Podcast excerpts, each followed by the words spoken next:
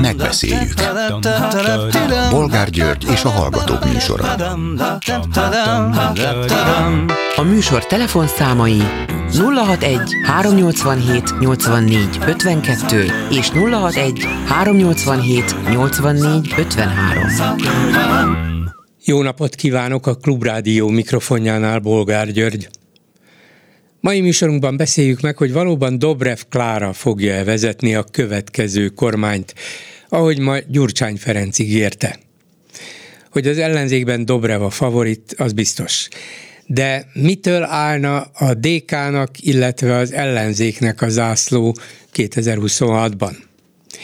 Erről egyébként szerettük volna megkérdezni Dobrev Klárát is, de ő ma nem ér rá, holnap, ahogy a sajtósuk mondta, szintén nem, és valószínűleg a jövő héten is igen elfoglalt lesz. Hát ebből látszik, hogy sokat kell dolgozni még a győzelemért.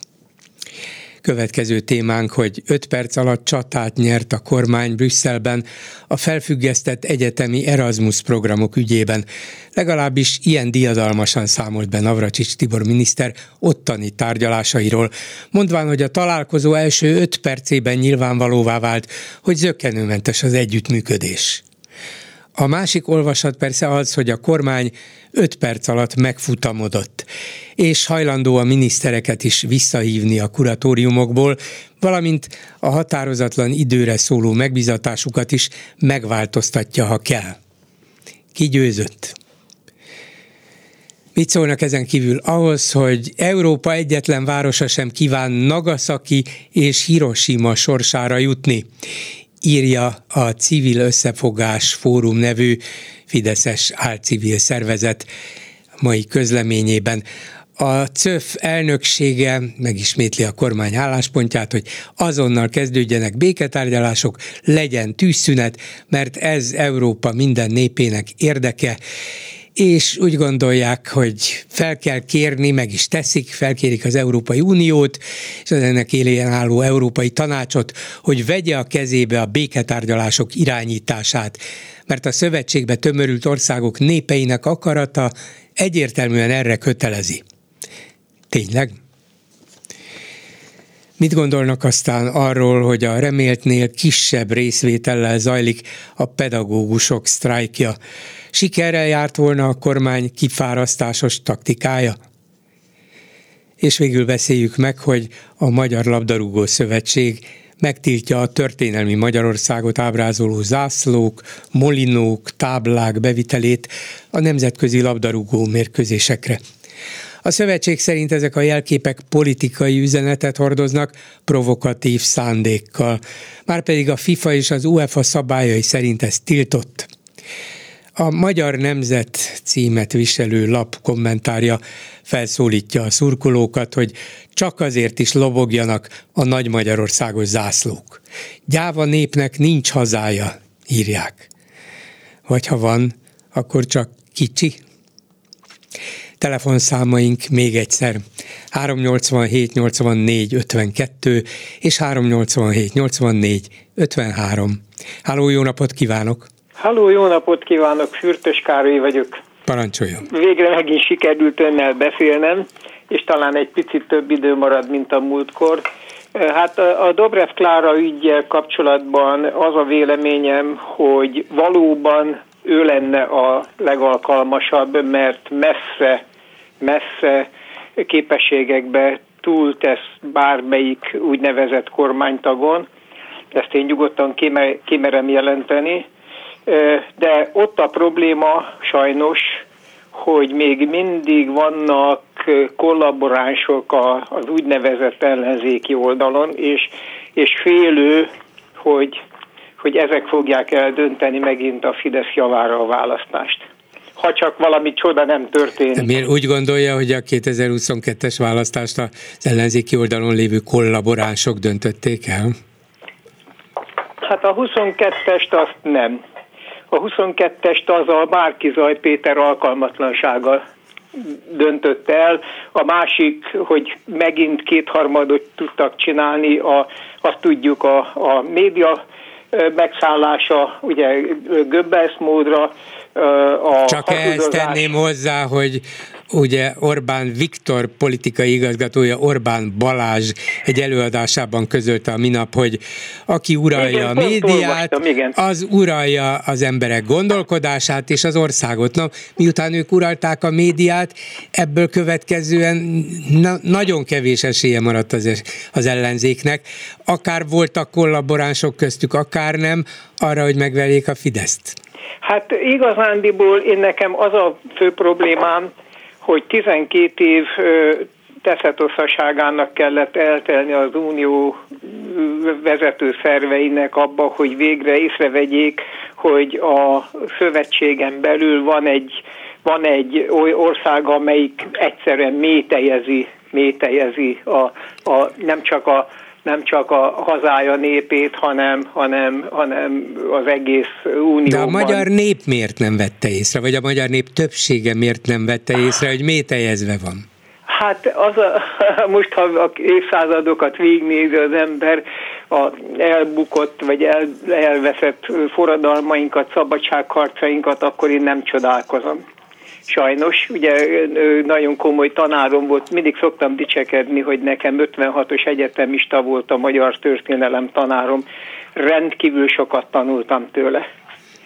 Uh-huh. És, és sajnos, hogy látom, a, és az a, baj, az a bajom, hogy itt van a 21. század, és még mindig, mindig a 20. század közepén vagy elején jár ez a magyar nép. Ugye Addit olvasva, Addinak a Nagyváradi naplóban írt cikkeit, meg mint újságíró, meg a verseit, szinte egy az egybe visszaköszön, ami 2010 óta van Magyarországon. Hát igen, meg akkor tegyük hozzá, amiről egy perccel ezelőtt beszéltünk, hogy övék a média túlnyomó része, tehát igen, azt a hazugságot pontosan. ismételhetik reggel, éjjel és este. Igen, és, és, és az van, hogy ahogy Göbbels mondta, minél nagyobbat kell hazudni, és folyamatosan mondani, és akkor elhiszik az emberek, hát sajnos így van. Abban reménykedem csak, hogy ez a rendszer úgy, nem úgy fog megdőlni, mint a Hitler vagy a Mussolini rendszere, hanem demokratikus mód, vagy legalábbis, legalábbis reménykedem a vér nélküli, mint ahogy a 89-90-es váltás volt igen, hogy az emberek végül is rádöbbennek, mert olyan változás áll be a helyzetükben, hogy ez Igen, már tarthatatlan, hogy... és akkor a bennük felgyülemlett sérelmek, kisebb-nagyobb panaszok, amelyekre azt mondták, á, hát igen, de még mindig jobb Orbán, mint a többi, egyszer csak összeadódnak, és, és akkor megtalálják Dobrevet? Hát én abban reménykedem, igen. Szóval a, a legnagyobb probléma ma Magyarországon az úgynevezett ellenzéki oldalon is a gyurcsányfóbia, mert egyszerre nagyon sok ember úgy látszik képtelen összerakni a dolgokat, és képtelen átlátni az eseményeket, hogy mit, miért, hogyan kellene. De hát ez, ez sajnos... De nem... ez egy adottság, ez, ez a realitás, ebből Igen, kell kiindulni. Az a baj, hogy nem tudok mindenkit történelemre tanítani. Pontosan. Pontosan, de éppen ezért, mert az emberek többségét nem érdekli, nem tudja, nincs meg hozzá a tájékozottsága, nincs meg hozzá a műveltsége, nincs meg hozzá az akarata, nincs meg hozzá az ideje, az ereje, az energiája, éppen ezért elfogadja legkönnyebben, leg megkapható és hozzáeljutó válaszokat és magyarázatokat, igen, amelyek igen, a kormánytól jönnek. Egy mondatosokat, igen. Tovább menve, mert ugye ezt, ezt lehetne napokig vesézni. A másik dolog, ugye a leopárdot leopárd, ugye, hogy ugye Magyarország is sajnos mondva csinált. Bocsánat, hogy beleszólok itt. Hallottam éppen ma valamilyen, nem a mi híradásainkban, mert lehet, hogy mi is elmondtuk, hogy, hogy új leopárd és oroszlán kifutókat adtak át az állatkertben. Hát esküszöm, a leopárdok miatt hirtelen azt gondoltam, hogy te, mi történt, hogy már itt vannak a leopárdok? Szóval érdekes, hogy az ember figyeli a íreket, és akkor hirtelen egészen másra igen, tud asszociálni. Az, az, igen. Asszociál. Hát tulajdonképpen van Magyarországnak leopárd Igen, igen, igen, és azokat veszünk ráadásul. De, de, de én összekapcsolnám a tegnapi nappal az úrral, mert ugye én a Facebookon is tapasztalom az egyes embereknek a a hiányos ismereteit vagy tudatlanságát is, hogy úgy mondjam. Mert ugye az, hogy a arra hivatkoznak, hogy Oroszország követelte, hogy a NATO ne kerüljön keletedre. Csak Oroszország vezetése azt felejti, két dolgot felejt el. Egyik az, hogy annó a Varsói Szerződés az kifejezetten támadó jellegű szövetségként alakult meg. Sajnos én 68-ban kénytelen voltam éles lőszerrel megtöltött géppisztolyjal átmenni, aminek roppant mód nem örültem, sőt egyenesen utáltam. De hát ez egy másik ügy. A NATO pedig egyértelműen védelmi szervezet, ugye ott van az ötös cikkely, amelyik kimondja, hogy ha a NATO szövetségen belüli államot agresszió ér, akkor a többi segíteni fogja. Tehát nem arról szól, hogy, hogy mi most megindulunk és Kínáig lerohanjunk mindent, hanem arról szól, hogy itt a határon belül, a szövetségen belül meg kell védeni mindenkit. Ráadásul józan észsel, és azért van az orosz vezetésnek is józan esze, még ha néha úgy látszik, mintha elvesztették volna akkor is. Szóval nem gondolhatja senki, hogy az Egyesült Államok egy óceán választ el bennünket tőle, Igen. meg a nyugat-európai országok arra volnának felkészülve, a haderejük arra volna felkészülve, most a céljaikról nem is beszélek, hogy elinduljanak Oroszországba és vegyék, vegyék az ellenőrzésük alá, foglalják el, hát ez, ez, ez teljesen elképzelhetetlen, pontosan, minden józanságnak ellen. Ráadásul ugye az orosz mentalitás, amióta a nagyhatalmi ambíciók eluralkodtak orosz cárok, bolyárok, tehát elője évszázadok alatt a történelemben, ugye történelmi ismereteim szerint 1495-ben pont Bátor Istvánnak kellett a ukrán-litván seregekkel e, összefogva a lengyelek vezetésével szétverni az orosz támadást. És, és sokan azt se tudják például, hogy Oroszország volt olyan időszak, amikor sokkal nagyobb volt még a Szovjetunió területénél is. Igen. És ugye Putyinban ezt, ezt logolja meg, hogy az orosz népben van egy ilyen soviniszta nagyhatalmi elképzelés, hogy nekünk mindent vissza. Tehát az a nacionalizmusnak a tipikus fajtája, mint ahogy Magyarországon is ugye e, e, ilyen, ilyet leber írni egy, egy, egy szélső jobboldali nácilap, mint a magyar nemzetnek nevezett bűnbanda, hogy igenis lobogtassák a mintha, mintha nem vennék tudomásul a történelmet, és, és a másik dolog, hogy pontosan az Unió azt a célt szolgálta, hogy a határok átjárhatóságával megszűnjenek pontosan ezek a, ezek a, a, a tünetek meg kellett volna szűnni, hogy, hogy mi vissza mindent. Tehát ez egy, mert ez egy értelmetlen dolog.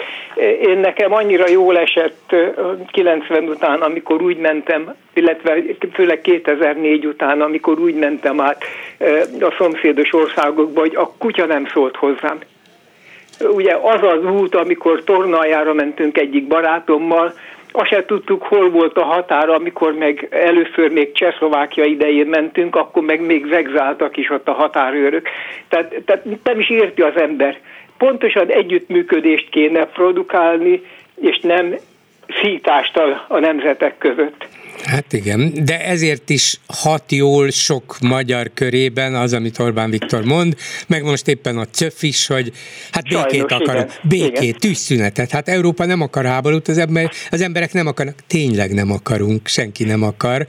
Csak Mi kife, akartuk, kife, hogy az oroszok agresszív bevonuljanak módon. Ukrajnába. Ki, ja, se, se Ukrajnába, se amikor idejöttek. Persze, hogy nem akartunk. Tegnap elfelejtette Bolgár úr is említeni annak a okostoját Andrásnak, aki elkezdte ezt a, az ügyet feszegetni, akkor is gondolkodtam, hogy hogy hívják, hogy telefont kell ragadnom és beszélni önnel. De én említettem volna azt az 1994-es budapesti memorandumot, nem véletlen, hogy Budapesten volt ez a memorandum, ez a nemzetközi szerződés, amelyben az akkori orosz vezetés egyértelműen vállalta Belarus, Ukrajna és Kazasztán területi sérthetetlenségét, hogyha az atom arzenájukat átadják Oroszországnak, tehát visszaszolgáltatják. Mert ugye sokan azt se tudják, hogy az ukrán területed volt a világ harmadik legnagyobb mennyiségű atomarzenája.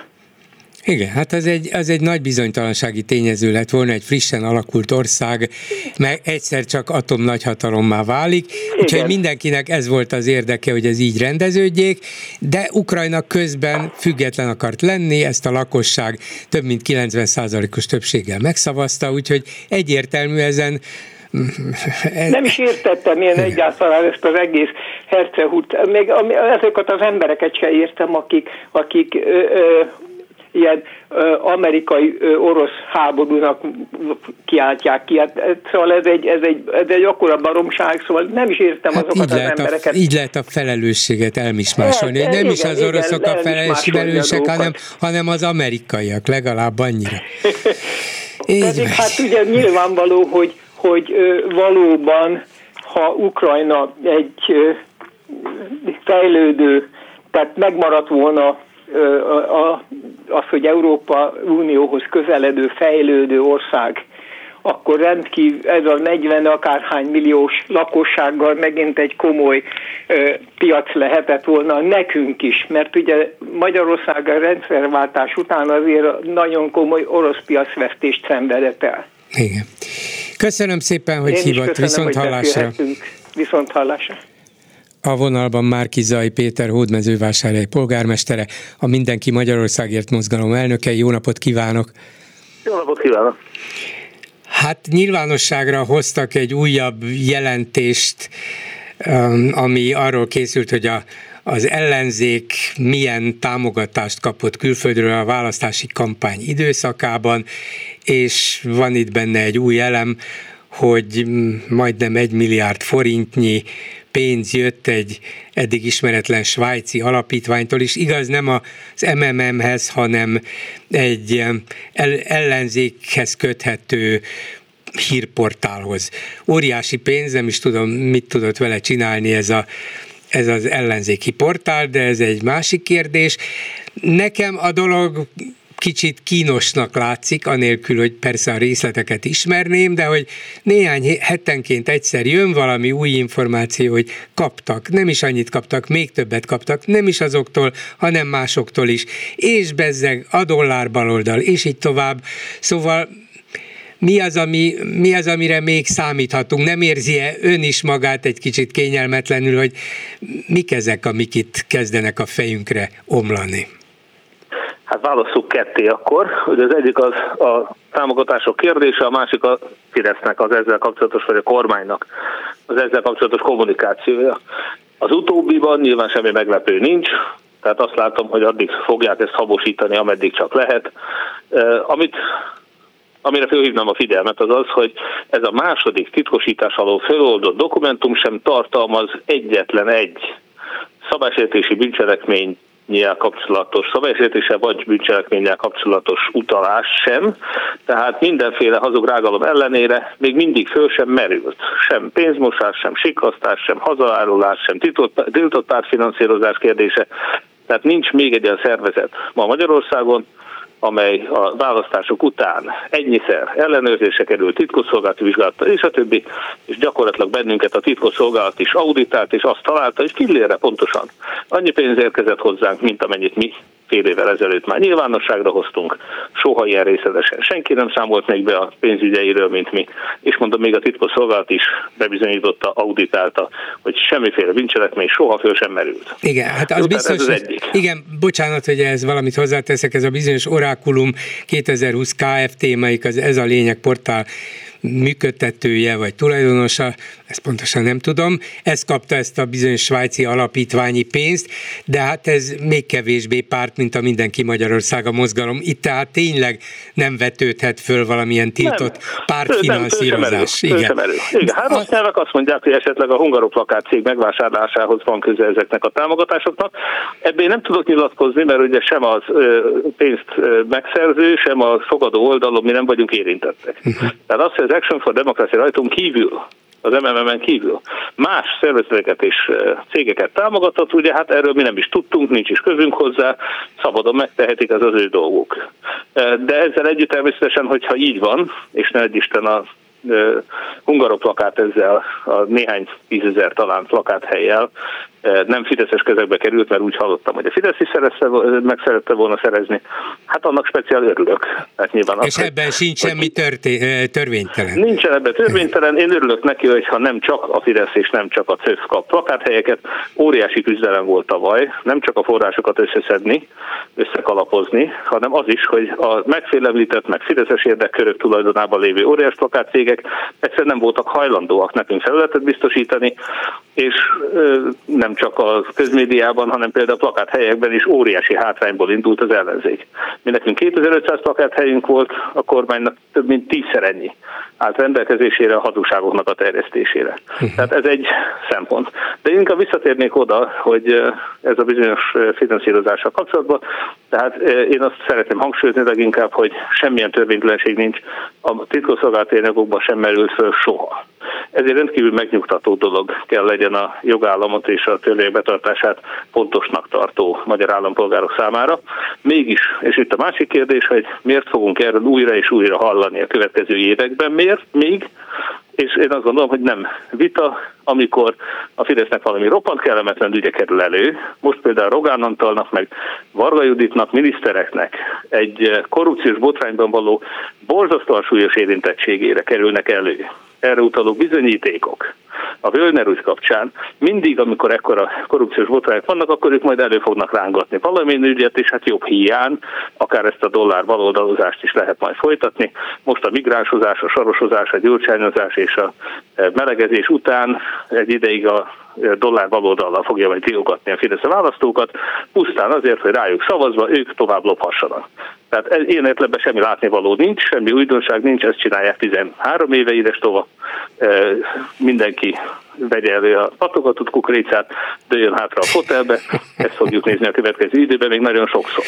Igen, önt például váratlanul érte ez a most nyilvánosságra hozott leleplezés, hogy egy svájci alapítványtól is ment pénz a baloldalhoz, vagy az ellenzékhez köthető valamilyen céghez? Hallott erről? Tudott róla? Nem, nem hallottam róla, és nem tudtam róla, de nincs közünk hozzá, olyannyira nem, hogy én még miniszterelnök jelöltként sem tudtam azt, hogy pontosan kik és hogyan állnak összeköttetésben ezzel, ez van, illetve a, ez a lényeg oldalakkal. Azt láttam, hogy ők is kormánykritikus kommunikációt folytatnak, mint a másik oldalon oly sok cég, akinek a finanszírozásáról szintén nem tudunk semmit. Nyilván akiknél tudunk, ott például mi feljelentést is tettünk. Uh-huh. Ugye a CÖF-nek a finanszírozásán ott azért bizonyíthatóan állami forrásokból, tehát mindenféle törvényt megszegve, az teljesen törvénytelen és korrupt módon támogatta a kormánynak a kampányát állami pénzből. A mi feljelentésünkre azóta sem reagálnak a hatóságok.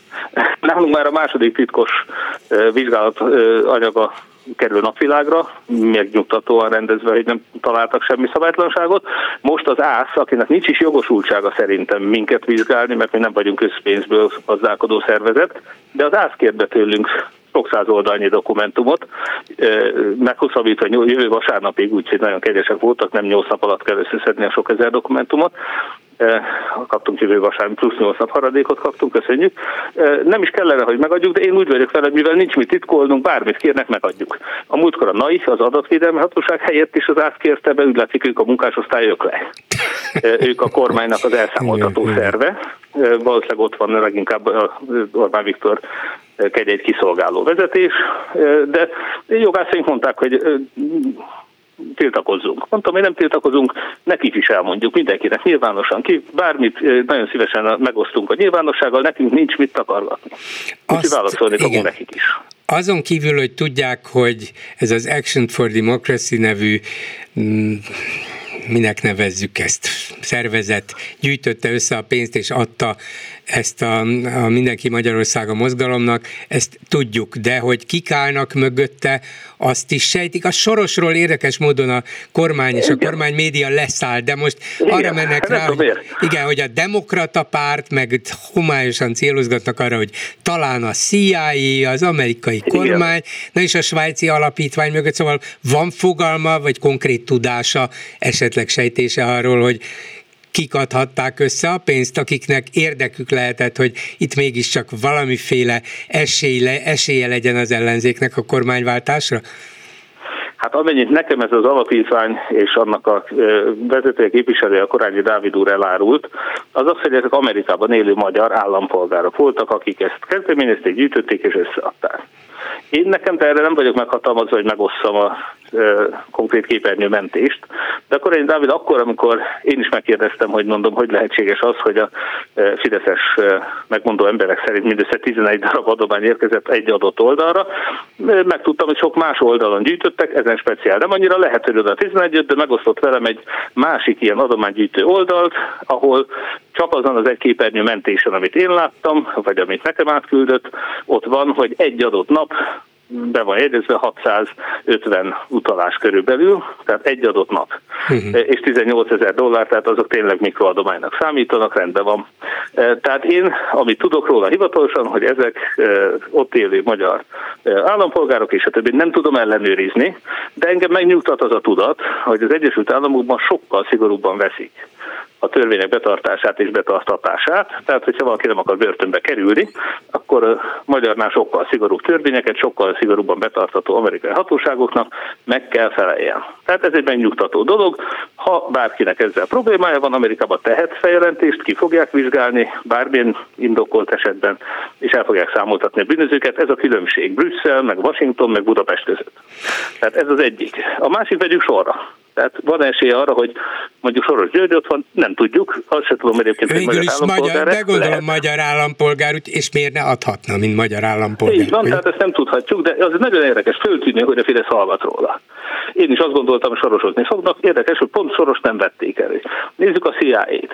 Tehát az egy annyira nevetséges link volt a múltkor ebben a fércműben, amit a magyar titkosszolgálatok kiadtak a kezükből, hogy egy National Endowment for Democracy nevű NED szervezettel való Facebook ismerettségeken alapulva fabrikált összefüggéssel, azt mondja, és, és egy olyan nyilatkozattal, hogy annak idején valamilyen közszereplő 30 évvel ezelőtt azt mondta a régen elnök, de republikánus elnök által létrehozott állami finanszírozott szervezetről, a NED-ről, amely ugye a demokrácia terjedését támogatta, tehát például éppen Orbán Viktornak a törekvéseit támogatta a 80-as években, tehát azt mondja, hogy ez azt a munkát végzi, mint régen a CIA, tehát hogy ezek szerint régen a CIA támogatta a demokráciát az elnyomott országokban. Erre alapozva azt mondták, na, tessék, megjelent a CIA. Hát én személy szerint nem lepődtem volna meg, hogyha azok az érdekörök, akik annak idején amikor Orbán Viktor a lábukra lépett, ugye a korrupció miatt itt sérültek amerikai érdekek Magyarországon, akkor kitiltották a Ildikót meg öt magyar állampolgárt, hogy valami hasonlót tesznek majd. Nem lepődtem volna meg, hogy ahogy a Szájer botrányt a belga hatóságoknak a föltűnő hanyagsága miatt e, lebuktató nyugati sajtó. Tehát, hogy ott azért a Fidesznek lehetne kellemetlenkedni, ha más nem, akkor ugye a Szájerrel egy klubba járó, állítólagos kilenc mai magyar Fideszes országgyűlési képviselő, vagy bármi kiderülhetett volna, ami kellemetlen a Fidesznek. De nem történt ilyen. Tehát mindenki megnyugodhat, sem az, Euró- sőt, az Európai Unió a jogállamisági eljárást azt nem a választások előtt két héttel, hanem utána két nappal indította el. Tehát föltűnően kerülték azt, hogy bármi módon beavatkozzanak a magyar választásokba, sokak csalódására. Sokan azt várták, hogy majd valami módon a, a nyugati hatóságok támogatni fognak, mindenki láthatja, hogy nem támogattak. Én el szoktam mondani, hogy ha a CIA meg akarta volna buktatni Orbán Viktort, akkor Orbán Viktor börtönbe lenne. Tehát ez a bizonyíték arra, hogy a CIA nem akarta megbuktatni Orbán Viktort. Vagy legalábbis úgy, hogy lehet, hogy akarta, csak úgy gondolta, hogy e- ebbe ő nem avatkozhat bele, vagy a kormány, az amerikai kormányzat gondolhatta úgy, hogy lehet, Senki hogy nekünk... nem gondolja azt, hogy a CIA nem tudná megbuktatni Orbán Viktort, akinek hát... ennyi korrupciós bűncselekmény lengi körül a családját, uh-huh. hogy az utolsó családtagja is milliárdos megmagyarázhatatlan módon. senki ne gondolja, hogy a CIA nem tudna erre nagyon kellemetlen bizonyítékokat előadni, ha akarna. Senki ne gondolja azt, hogy amikor 150 milliárdos haszonnal tízezer számra telepítette be Orbán a migránsokat Magyarországra, köztük bűnözőket. Amikor az azeri baltás gyilkost kiadják, és millió dollárok érkeznek egy azeri számláról egy titkos magyar bankszámlára, ami után Orbán úgy dönt, hogy kiadja az, az a baltás gyilkost. Tehát ne, ne gondolja senki, hogy ha a CIA meg akarta volna buktatni Orbán Viktort, akkor Orbán Viktorban nem lenne börtönben. Na jó, de akkor felvetődik a kérdés, azt mondja, hogy és akkor miért nem akarta megbuktatni? Hát csak nem Orbán Viktort szeretik, nem, nem feltétlenül szerelem kérdése, de azt simán el tudom képzelni, hogy hogy már minden érdeksérelem ellenére azért Orbán Viktor mindazokat a feltételeket teljesíti, amelyeket tőle elvárnak, akár a tengeren túlon és a többi. Ezt időről ide látjuk, hogy most a NATO tagságunkat is kétségbe egyes amerikai szereplők, Putyin árulójának tartanak bennünket sajnos a NATO-ban, de én úgy látom, hogy Orbán Viktor azért annak ellenére, hogy hazug módon bennünket rágalmazott azzal, hogy akár katonákat küldenénk oda, hát egyetlen NATO tagállam sem küldött, de Orbán Viktor szépen titokban gyorsan akkor, még választás előtt módosította a törvényeket, és engedélyezte a fegyverszállítást, halált okozó fegyverek szállítását Ukrajnába, magyar területen keresztül. Tagadták, de azt hiszem március 8-án magyar közlöny megjelent. Ugyanígy megszavazta az Európai Uniónak a fegyverszállítását is Orbán Viktor. Vagy azok a szankciók, amelyeket most elvileg 97%-a a magyar embereknek, tehát valószínűleg közel 9,5 millió ember támogat.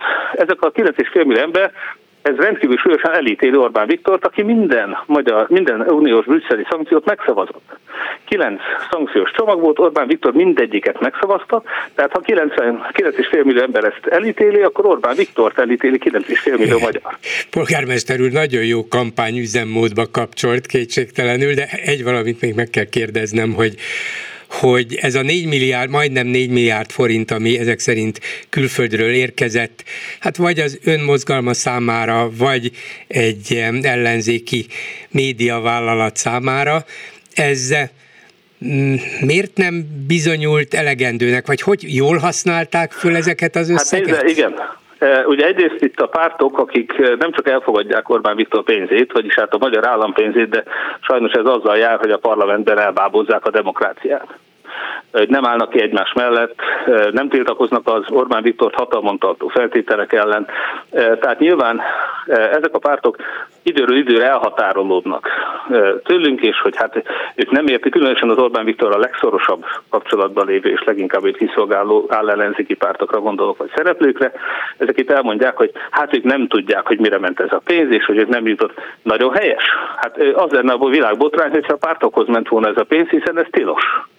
Én mindig is elmondtam, hogy nálunk mindenkinek nagyon kellett vigyázni arra, hogy pártos kampányra ez a pénz nem ehessen. Ezt törvények tiltják.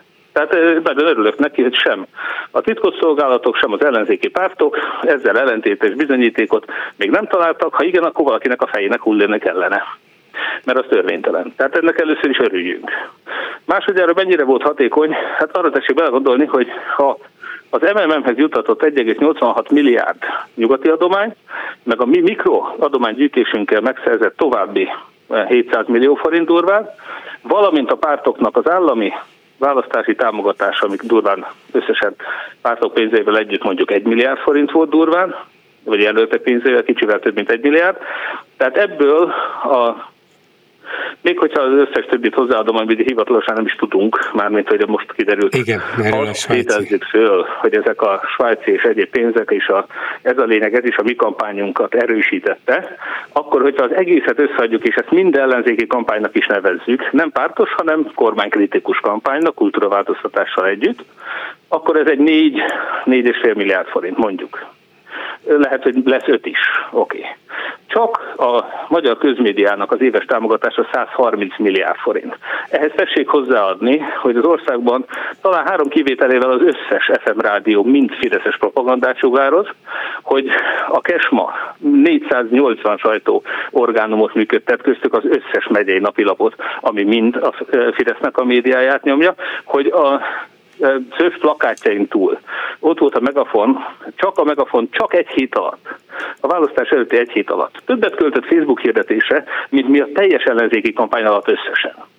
Tehát ilyen ellenszélben, még ha mi el is mondtuk az igazságot, például, hogy nem küldenénk katonákat, nem küldenénk nem is katona magyar fiatalokat meghalni Ukrajnába, hogy soha nem is merült föl, de az emberek százszor annyit hallották az ellenkezőjét, és még azok is elhitték, akik egyébként elítélik a lopást hogy az emberek tömegével mentek, hogy olyan szabolcsi falvakból hallom, hogy ott az egyik számláló biztosunknak a, egy nagyon kedves nyugdíjas igazgatóhölgy egy faluban Fideszes biztos volt, és azért szavazott többek között a Fideszre, mert ha a ellenzék nyer, akkor az kiskorú gyerme, unokáit elküldenénk meghalni Ukrajnába. És akkor megkérdezték, és hol élnek a gyermekék, és akkor azt mondja, Londonban. Tehát, hogy amikor ilyen agymosáson ment át a magyar nép, hogy ennyire képtelen hazugságokat is elhittek, ennyire képtelen vádakat, és tömegével ezért szavaztak hazugságok miatt a Fidesz, hogy majd, majd megtartják az árszokokat, nem fogják megszüntetni a rezsicsökkentést, nem küldenek katonákat Ukrajnába, mit keres ott a magyar hadseregnek a főparancsnoka Ukrajnába, az utasító megmagyarázni Orbán Viktor hogy hogy lehet az, hogy a Ruszin Szenti Romulus a hadsereg főparancsnoka általuk eltitkoltan, de az ukrán fotókon kiderült, az ott van az orosz-ukrán fronton. Miért ment Ukrajnába magyar katona? ha azzal kampányoltak, hogy mi küldenénk, hát eszünk álba, nem volt, de ők kiküldték.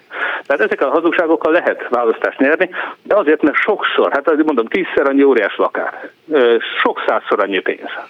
És most még sajnos a jobbik asszisztálásával el fogják zárni annak a lehetőségét is, hogy a nyugati magyarok akár tudjanak, akár nem párt civil szervezeten keresztül is támogatást nyújtani ahhoz, hogy Magyarországon a lakosok az igazságot megismerjék. Azok az ellenzékiek, akik ebbe belemennek, az nyilván a Fidesznek tesznek szívességet. Én elmondtam a Zoltán úrnak is, hogy ha ti ellenzékiek vagytok, akkor ti azért küzdjetek, hogy például az összes fizetett politikai hirdetést tiltsák be hiszen akkor bár nekünk is korlátozottabb lesz a kommunikációs lehetőségünk, de a nálunk százszor többet költő Fidesznek is. Tehát az némileg segítene kiegyensúlyozni, vagy a, a lejtős pályát egy kicsit kevésbé lejtősé tenni. De azt követelni, hogy csak bennünket büntető szabályokat vezessék be és megtiltsák, akár a külföldi magyaroknak a civil szervezetek irányába történő támogatását is, azzal csak az ellenzéknek ártalak és a Fidesznek nem. Köszönöm szépen már Kizaj Péternek, Hódmezővásárhely polgármesterének, viszont hallásra! Én nagyon szépen köszönöm, és mindenkinek csodálatos napot kívánok, viszont hallásra! Háló, jó estét kívánok! Jó estét kívánok! Parancsoljon! Szakmán Péter vagyok Lipcséből. Igen. Itt a örömmel hallgattam a Markizaj Péternek a ö, beszédét, mert beszédét, igen, elmondott nagyon sok mindent. Én a, az első hozzászóló említette a Dobrev Kálát, mint potenciális igen, hát mert, mert, mert Gyurcsány Ferenc ma egy Facebook posztban azt mondta, hogy a következő kormányt Dobrev Klára fogja vezetni.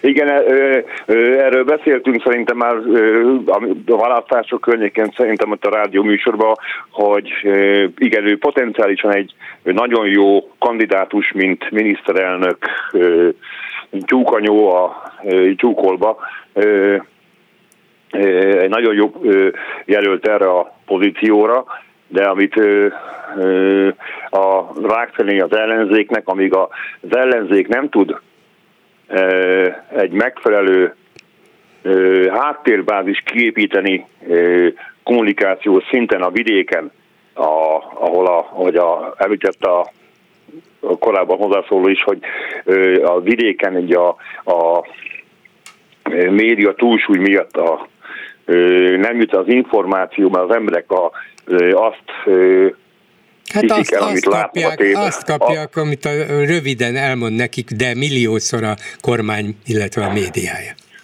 Igen, és ö, ö, emiatt ö, ö, nagyon kemény háttérmunkát kéne ö, végezni, ami sajnos, ö, ö, ahogy ö, többen elmondták már így a ö, Jakab Péterék is, meg a, a Markiza is, hogy ö, amíg a média ö, túlsúly van, addig nagyon nehéz így ö, dolgozni.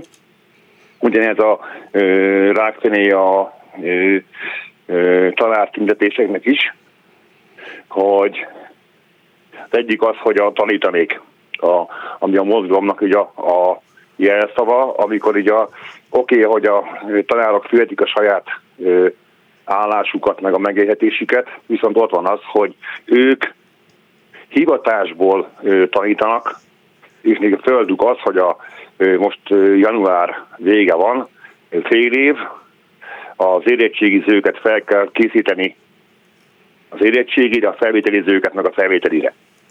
Hogy oké, okay, hogy az ő állásukat most labilis, de nekik a feladatuk, a hivatásuk a sokkal fontosabb annál, mint az ő megélhetésük, és nagyon tisztelem bennük. Én ezt így saját példámban megéltem az iskolámban, ahol a, olyan tanárt kaptunk 5. évben technikumba, hogy nem akart minket tanítani. Hogy bejött az órára, leült, és így a óra végén fölállt. És így a három hónapon keresztül nem tanultunk semmit, három olyan tantárból, amiből vizsgáznunk kellett. És nagy nagy küzdés árán sikerült leváltanunk, ott botrányunk az iskolába, de sikerült ezt elérnünk. Most a tanárok ugyanezt csinálják a diákjaik miatt, hogy ö, nekik ez egyszerű lehetőség, hogy ők ö, megfelelő ö,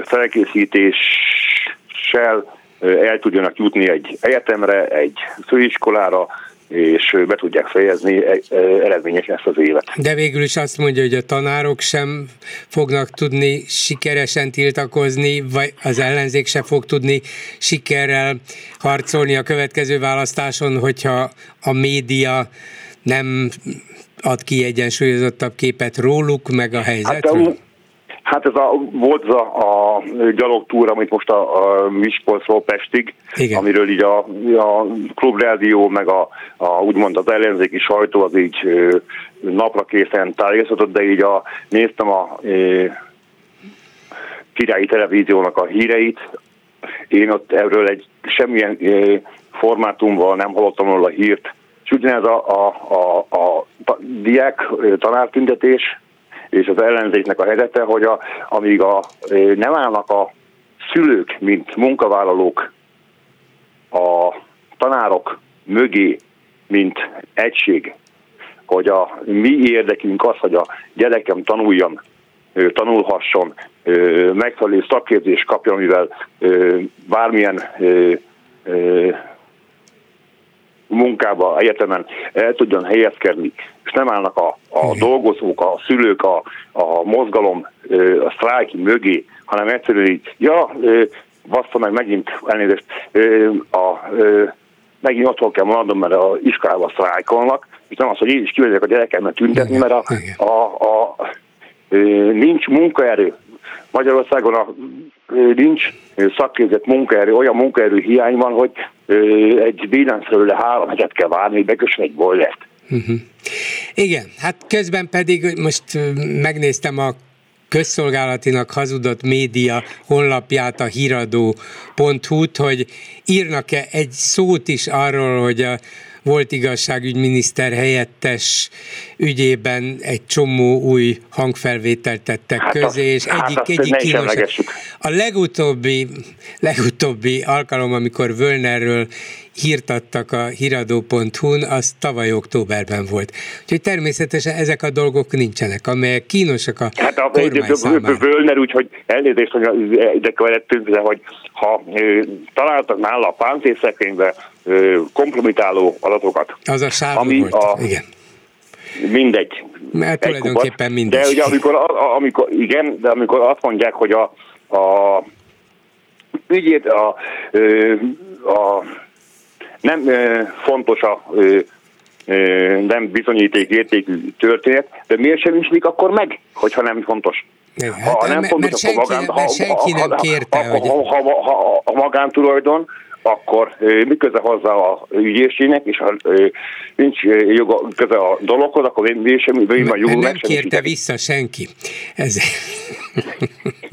Na jó, további szép napot. Köszönöm mert, szépen. Rosszul, köszönöm. rosszul hallom, mert faxon beszélek, vagy ja, Németországban csak ez van. Értem, köszönöm. Viszont hallásra. Viszont hallásra. A vonalban pedig Csepeli György, professzor, szociálpszichológus. Jó estét kívánok! Jó estét! És a beszélgetésünk témája az lenne, amiről persze itt ellenzéki körökben, meg egy ilyen rádióban, mint a miénk, nap mint nap szó esik, hogy tudnilik a kormány uralja a média nagy részét, de az tulajdonképpen emlékeim szerint nem fordult még elő, hogy a kormány egyik fontos embere be is vallja, hogy miért is csinálják ezt. Tudtuk, tudtuk persze, és ehhez képest nincs nagy meglepetés, de Orbán Balázs a miniszterelnök politikai igazgatója közölte egy előadásában, hogy aki uralja a médiát, az uralja az emberek gondolkodásmódját, az uralja az országot, és még hozzátette azt is, hogy az újabb ezer évünk nem biztosítható a média piaci kérdések áttekintése nélkül. Hát szóval még ezer évig életben is akarnak maradni és uralmon. De a tréfán kívül Emlékszik olyasmire, hogy, hogy ennyire nyíltan, ennyire önbizalomtól duzzadóan bevallják, hogy hát persze, meg akartuk szerezni a médiát, mert akkor lesz a miénk az ország.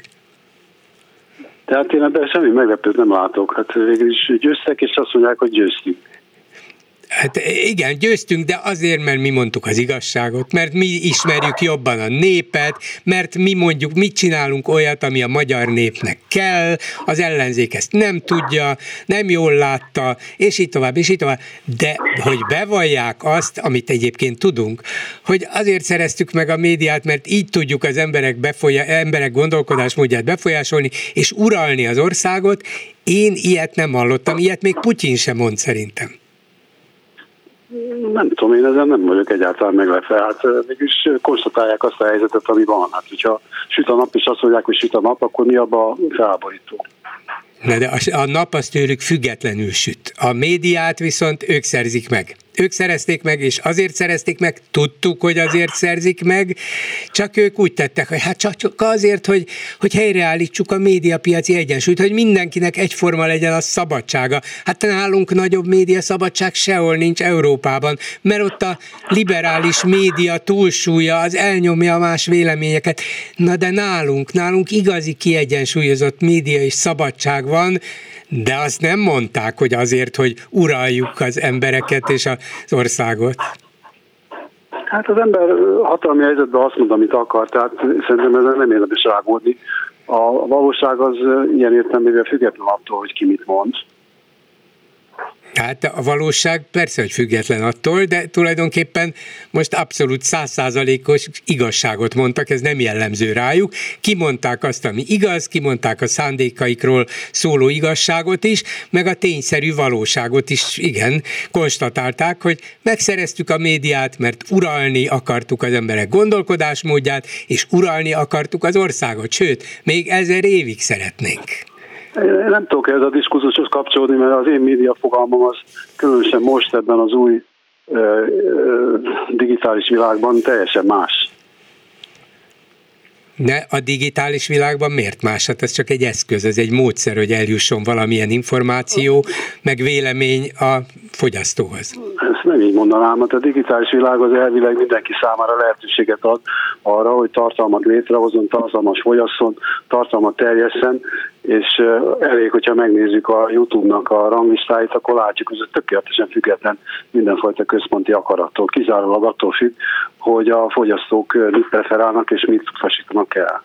Hát, hát tudjuk, hogy a YouTube-ot is, meg minden mást is manipulálnak, akár kormányok is, akár kormány mögötti szervezetek is, akár pénzzel rendelkező egyéb entitások is, akár magánemberek is, hát minden eszközt fel lehet használni arra, hogy valaki bizonyos célokat megpróbáljon elérni és manipulálni tömegeket. Na hát a világ tulajdonképpen erről szól, hogy nyilván arc van, de azért a, a YouTube-on folytatott, a YouTube platformján folytatott küzdelem az, az egy teljesen más dimenzió, mint amikor valaki kijelenti egy politikai pozícióba, hogy ő az ura a médiának. Hát a, igen, ez egy másik kérdés valóban, de a YouTube is egy része a médiának, és azt is meg lehet próbálni valamilyen módon megszerezni, az persze tőlük független, nincs is az ő tulajdonukban, de bizonyos pénzzel, bizonyos szervezettséggel ott is meg lehet határozni, vagy tömegessé lehet tenni bizonyos tartalmakat, vagy olyan üzeneteket, amik például egy kormánynak vagy egy hatalomnak fontosak. Én ezt kétlem, én ezt kétlem. Erre vonatkozóan nincsenek empirikus bizonyítékok. Épp most derült ki, hogy a, az orosz beavatkozás az elnökválasztásban az korán sem volt olyan mérgű, mint aminek beállították. Tehát ez egy olyasfajta szabadság, amely szétosztja a jogot arra, hogy te megszólaljál, és hogy, hogy fogyasszál tartalmat, amit központilag nem lehet befolyásolni. Persze az ember hisz összeesküvés elméletekbe, akkor, akkor konfabulálhat, de alapvetően az a világ, amiben mi élünk, az nem az a világ, ahol valaki uralhatja pusztán a média folytán, amit magáinak tart, mert nincs olyan, hogy az én médiám. Mindenkinek van már médiája. Uh-huh. Neked is, nekem is, a hallgatóknak is. Tehát ez egy fantasztikusan új helyzet. Azért az nem mindegy, hogy nekünk itt a Klubrádióban van egy olyan médiánk, amelyik interneten terjed, és volt egy olyan, amelyik az éterben terjedt, és hát érdekes módon mondjuk az éterben terjedő, az egész országban fogható, közszolgálatinak hazudott médiának sok százezer hallgatója van, és nem véletlenül csapott le rá a kormányzat. Nem tudom, mert nincsenek igazán empirikus információk a, a birtokomba. Érzésem szerint nem olyan hatása a központilag birtokolt médiának, mint ahogy azt elképzelni. Akkor hozzáteszem azt, hogy például a központinak mondott média és központi tulajdonban és irányítás alatt álló médiának a szerves, bár nem igen látható része, főleg nem a közönségnek, az a Magyar Távirati Iroda névre hallgat. Ennek a Magyar Távirati Irodának a híreit használja föl a központi média is, a kormányhoz köthető magántulajdonban lévő média is, a magyar rádióállomások 99,9%-a is, minket kivéve, bár néha az MTI-ből is érkezik használható hír, de ezeken a propaganda célra használt, ingyen terjesztett hírforrásokon él, és ezekből él, és ezeket sugározza tovább, rádió, tévé, újság, internetes portál, és így tovább. Hát nem igaz, hogy ezeknek nincs befolyásuk, legfeljebb nem egy az egyben látható, hanem csak közvetve. Hát én úgy tudom, hogy például a Kesma által birtokolt lapoknak a olvasottsága az, az bozasztóan visszazuhant, úgyhogy nagy elbocsátásokra is kerül sor. Tehát tudjuk, hogy az ilyen típusú központi információszolgáltatás, ez, ez működhet olyan viszonyok között, amikor zártak a határok, nincsenek alternatív források, amikor tulajdonképpen a félelem és a rettegés hatja át az embereket, de hát most nem ilyen helyzet van.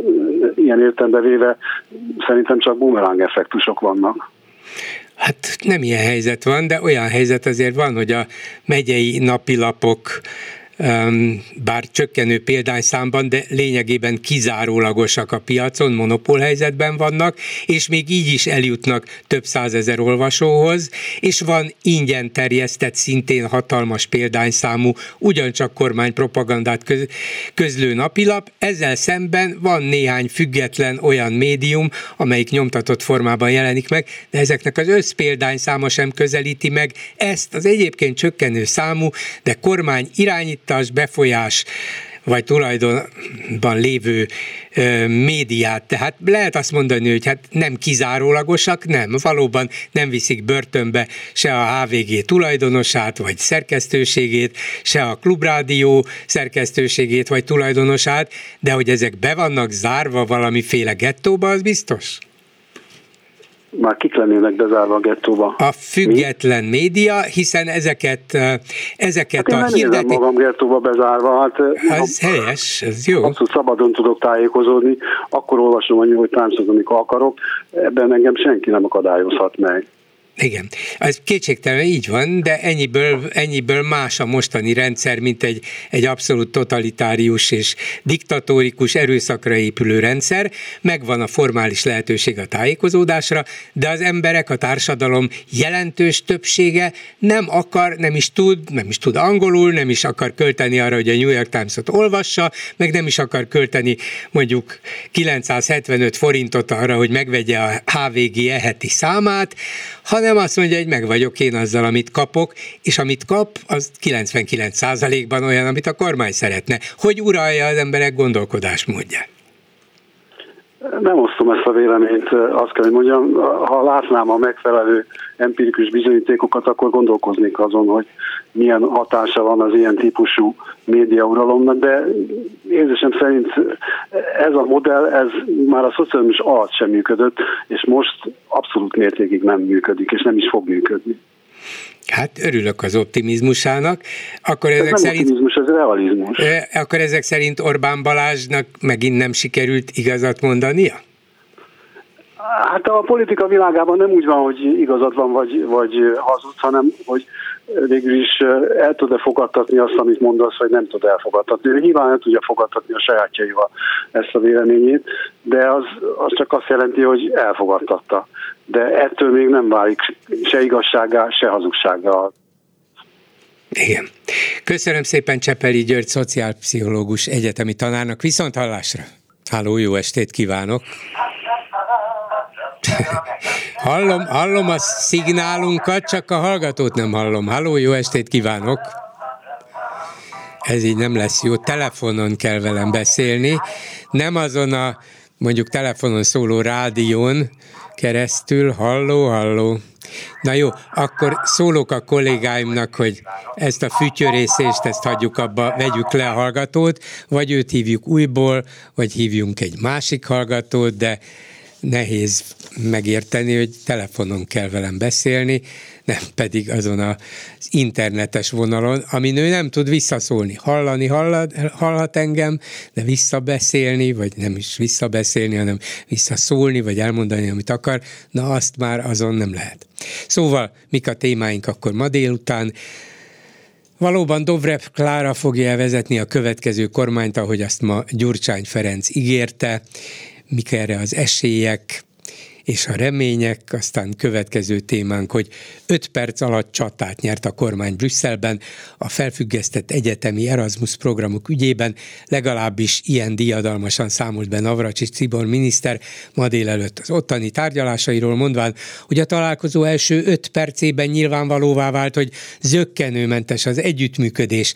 Persze a másik olvasat meg az, hogy a kormány 5 perc alatt megfutamodott, és hajlandó a minisztereket is visszahívni a kuratóriumokból, valamint a határozatlan időre szóló megbizatásukat is megváltoztatja, ha ragaszkodik hozzá az Európai Unió.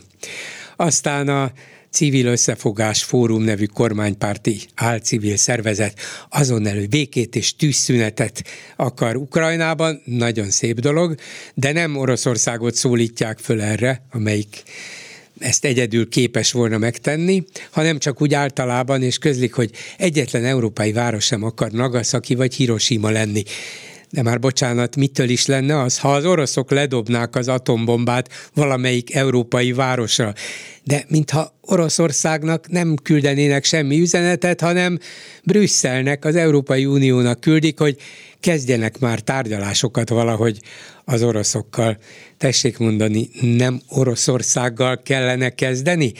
Őket szólítsák föl tűzszünetre, békére, és arra, hogy nehogy lemerjenek dobni egy atombombát Európára. Na jó, akkor egy hallgató a vonalban. Jó estét kívánok! Tiszteltem bolgáról. Egy Budapestről. Parancsoljon. Sokszor beszéltünk belőügybe is, meg más ügybe is. Ez a Nagy Magyarország László, nekem ez beakadt. Jó, azt hiszem három hónapja a Viktor kiment ilyen Nagy Magyarország sállal, és a, a szlovák emberkétől kapott egy szlovák sálat. Igen. Én ezen csak, csak nem tudom, sírjak, hogy nevessek.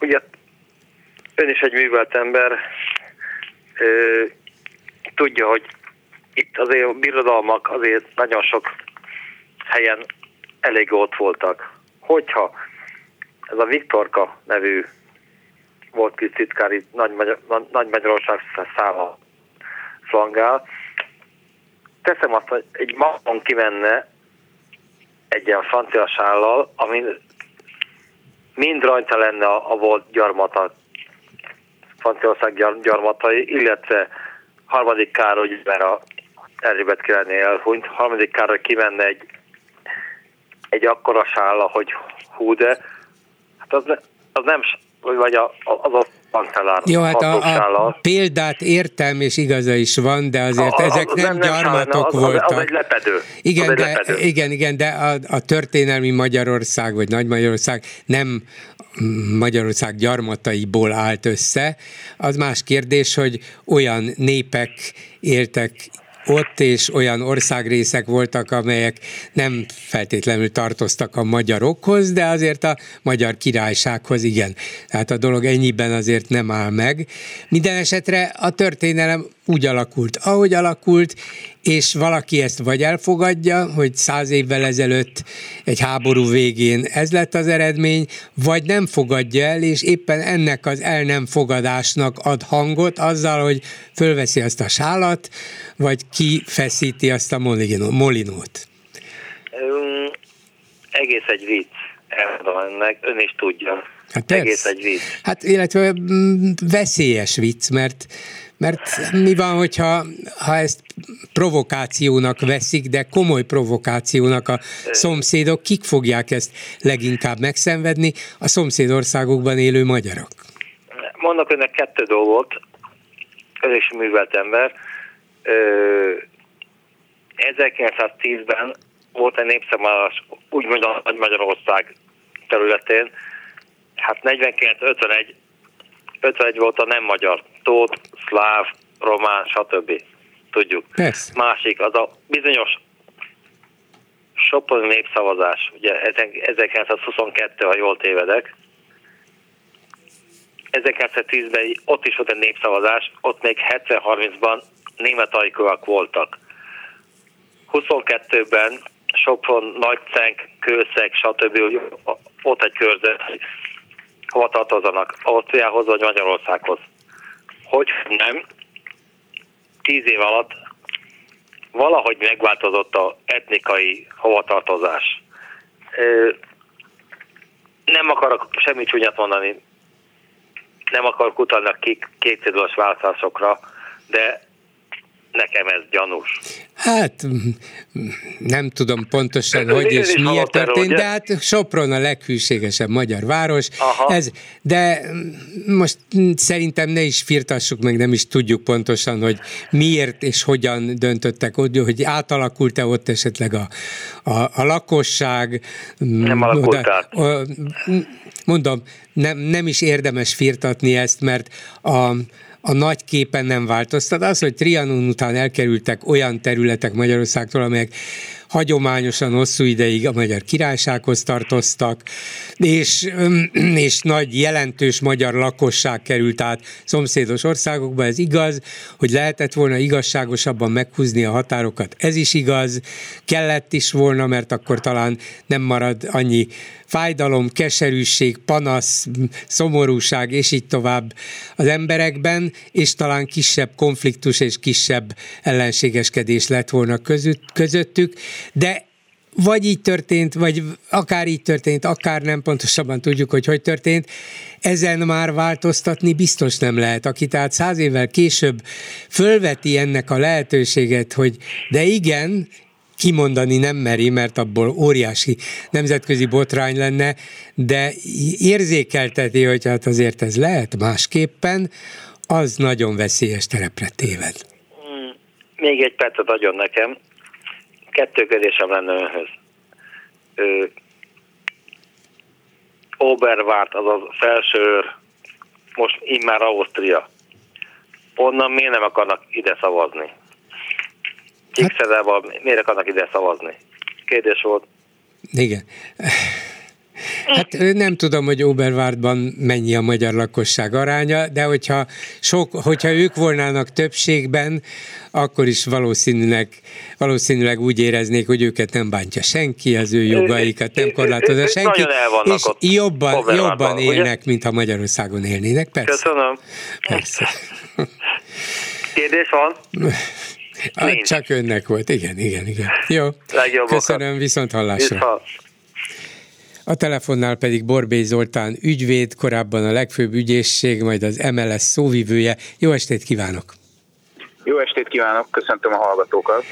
És gondoltam, miután tudom, meg egyrészt a korábbi funkciójából is következően, de tudom, hogy nagyon érdekli a sport, illetve a foci, és még ráadásul jogász is, ügyvéd, ezért aztán biztos van véleménye arról, hogy jól döntötte az MLS, amikor amikor úgy határozott, hogy nemzetközi labdarúgó mérkőzéseken nem szabad kitenni Nagy Magyarország logót, Nagy Magyarország drapériát, molinót, táblát, és így tovább, mert ez provokatív szándékú politikai üzenet, és az ilyeneket a, a FIFA és az UEFA egyaránt megbünteti. Igen, hát ez gyakorlatilag nem az MLS döntése volt, de az UEFA és a FIFA szabályának a követése, amelyet egyébként én elég intenzíven követtem. Bánhegyi Gergely kollégámmal és Samu István tábornok úrral képviseltük a Nemzetközi Sport Döntőbíróság előtt a Magyar Labdarúgó Szövetséget a bizonyos magyar-román zárt kapus mérkőzés kapcsán, ahol egyébként a Nemzetközi Labdarúgó Szövetséget egy román kollega képviselte. Ez meg kell, hogy mondjam, nagyon rendes kollega volt, de mondjuk úgy, hogy nem volt egy barátságos gesztus, és szerintem ő se érezte jól magát. Mindent bevetettünk nyilván jogászként, az ember másként érvel egy tárgyalóteremben, mert mindent megpróbál alávetni az ügyfele érdekeinek. Még heraldikai szakértőt is bevetettünk, dr. Bertényi Iván professzort, aki elmagyarázta ezeknek a szimbólumoknak a jelentőségét. Az persze egy másik kérdés, hogy miért pont ezek a szimbólumok és miért pont a stadionokba kerülnek elő. Ez az, amit tilt az UEFA és a FIFA. Uh-huh. És ezt mostanában, vagy a közelmúltban kezdte eltiltani? Mert emlékeim szerint azért korábban is voltak, akár nálunk, akár másút olyan események és, és olyan lépések, amelyeket az UEFA, illetve a FIFA elítélt, és hozott is különböző büntető intézkedéseket. Ez már régen megvan, hogy a politikai megnyilvánulásokat nem lehet a stadionra belőre vinni, ez az egyrészt ugye a politikai megnyilvánulások, és ez bármilyen módon lehetséges, nem feltétlenül kell szimbólumokat használni. Viszont van egy tiltólista, amely a FARE, ez a Football Against Racism Europe egyesület, amelynek megmondom őszintén igazándiból hatásköre nem szabadna, hogy legyen, bár hozzá kell tennem, nyilvánvalóan az, hogy a, a futballban nincs helye a rasszizmusnak, ebben szerintem mindenkinek egyöntető a véleményem. A másik kérdés viszont az, hogy a politikának helye van-e a stadionokban. Nyilván áttételesen mindig helye van, hiszen azzal, hogy Oroszország nincs ott a világbajnokságon, azzal, hogy annak idején Jugoszláviát kizárták, 92-es EB előtt, és ugye így lettek a Dánok Európa bajnokok, ahogy mondani szokás a strandról, mert ugye akkor nem jutottak ki az Európa bajnokságra. Tehát valamilyen szinten a politika mindig ott van, a, a, a sportban, gondoljunk csak a vb az iráni játékosoknak a demonstrációra, a német játékosok demonstrációjára, de azt lehet mondani, hogy a FIFA annyiban következetes volt, hogy a szivárványos színeket sem engedte teljes mértékben a stadionokban uh-huh. Tehát ezt is, Tehát politikai, nem... ezt is politikai jellegűnek minősítette. Igen, még, uh-huh. és az, hogy jó vagy rossz politika, az mindig attól függ, hogy ki mit gondol. Tehát erre van egy nagyon régi esettanulmányunk Dinyés Márton kollégámmal, aki most a Magyar Labdarúgó Szövetség kommunikációs vezetője, a Ne öljétek meg a fehér költöző madarakat című feliratnak a kitétele egy máltai mérkőzésen. A Don't Kill the White Birds. És uh-huh. ezzel nincs semmi baj, mert hát mindenki szereti a költöző madarakat, csak akkor ez Máltán egy politikai pártnak, mégpedig egy zöld pártnak volt a jelmondata ezért is szankciókat vezetett be, illetve alkalmazott az UEFA, pedig ez már több mint tíz éve volt. Hát ugyanakkor az egyértelmű, és mondjuk nem, nem jogi kérdés, hanem inkább politikai, hogy ezzel sokan nem értenek egyet, nem csak azok, akik úgy gondolják, hogy de nekünk jogunk van akár ilyen nagy Magyarországos molinóval kivonulni, és miért ne tehetnénk ezt meg, esetleg éppen olyan országgal, vagy olyan ország csapatával szemben, amelyik olyan helyről jött, amikorában a Magyar Királysághoz tartozott, azért érzékeltessük velük, hogy honnan jönnek, vagy hogy mi ott voltunk korábban, de ez egy dolog, hogy azok, akik ez, ez, ezeket használják, hogy éreznek ezután, de a másik az, hogy a, a magyar nemzetben például ma egy hatalmas szik jelent meg arról, hogy az MLS azt üzeni, merjünk kicsik lenni, alcímben meg az van, hogy csak azért is lobogjanak azok a nagy Magyarországos zászlók, gyáva népnek nincs hazája. Na most, ha gyáva népnek nincs hazája, és lobogni fognak ezek a zászlók, molinók, drapériák, táblák ki lesznek téve, akkor mi lesz ennek a következménye?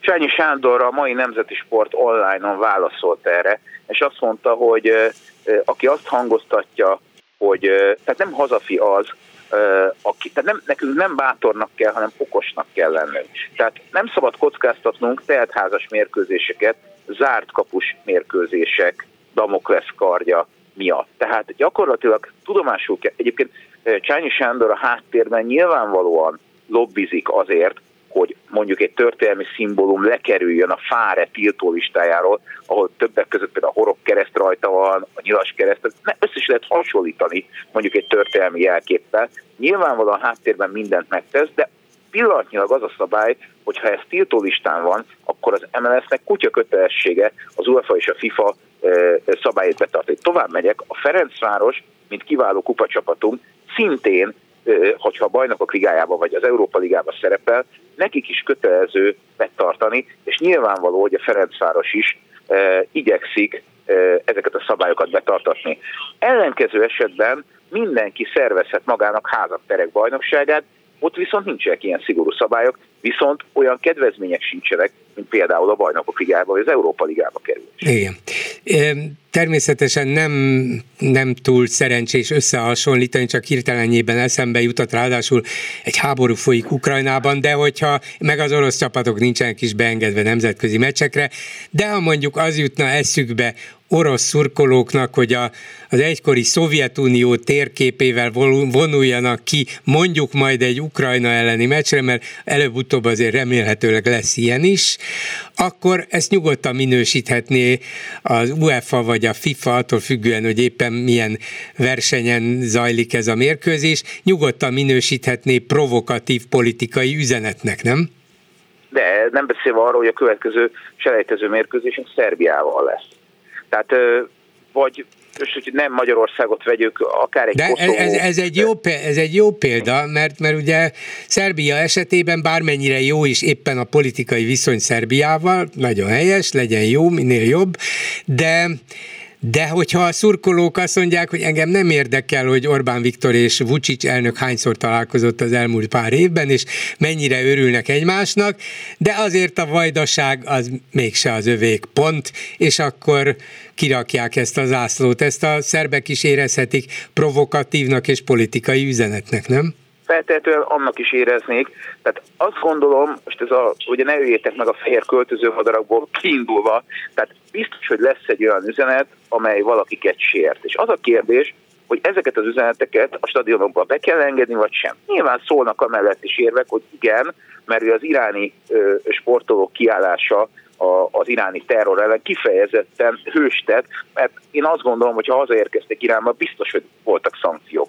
Vagy volt egy ilyen nagyon-nagyon morbid legenda, hogy egyszer egy komplet észak-koreai csapat bizonyos időre eltűnt. Aztán persze nem tudni, hogy most ez igaz-e vagy nem igaz, mert állítólag nem szerepeltek olyan jól, hogy elvárták.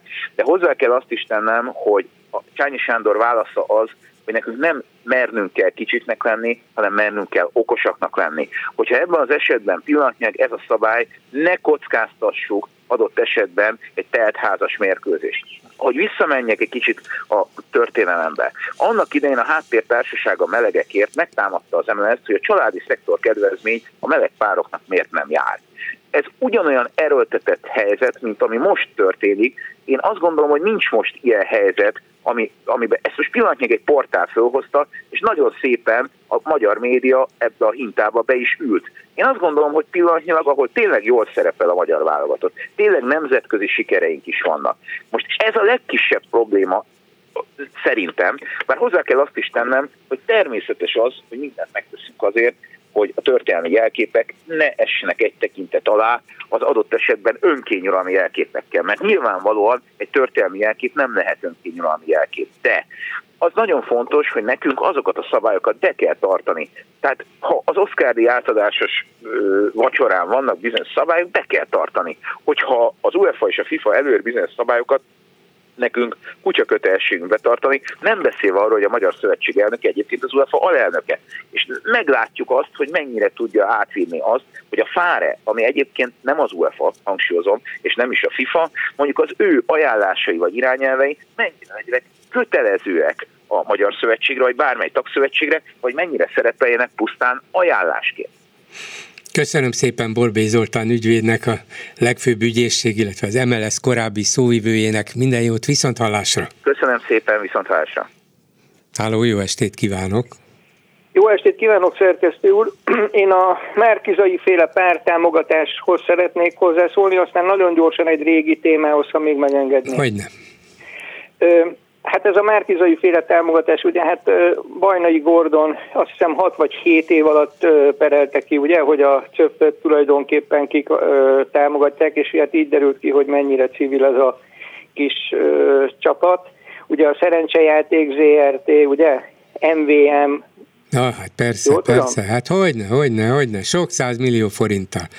Persze. Innen, innen, innen elég fura, hogy, hogy szólnak. Na most az hogy volt, mert eléggé feledésbe merült a közelmúltban, ugye? De ugye itt talán az az valami... érdekes, az az érdekes, hogy hát az, hogy a kormány szövegét ismétlik és azt visszhangozzák, az nem érdekes, azt minden nap megteszik, de hogy ők egy lépéssel most előre mentek, hogy egyetlen európai város sem akar Hiroshima vagy Nagasaki sorsára jutni.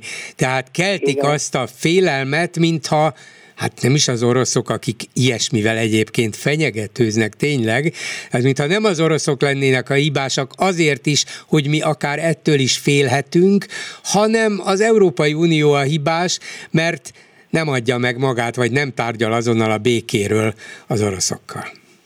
Igen, a másik dolog, ami egy kicsit feledésbe merült, ugye, hogy valamelyik lőlőbank, ugye a Marine Le Pennek a választási kampányát támogatta igen jelentős összeggel, hogy akkor nem voltak ilyen érzékenek ön szerint? hát nem, mert ott Orbán Viktor barátjának ment a pénz.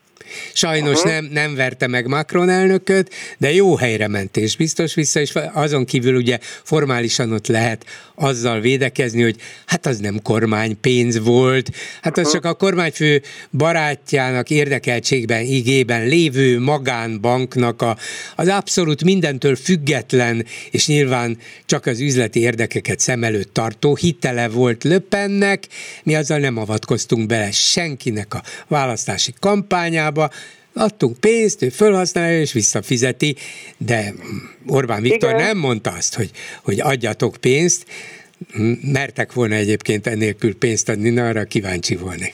De ha egy belga bank támogatta volna mondjuk Márkizai Pétert, akkor hú, de beavatkoznak a magyarok, biztos, a magyarok belügyei, oly, hogyne, ugye hogyne, ezek az imperialisták az emberek.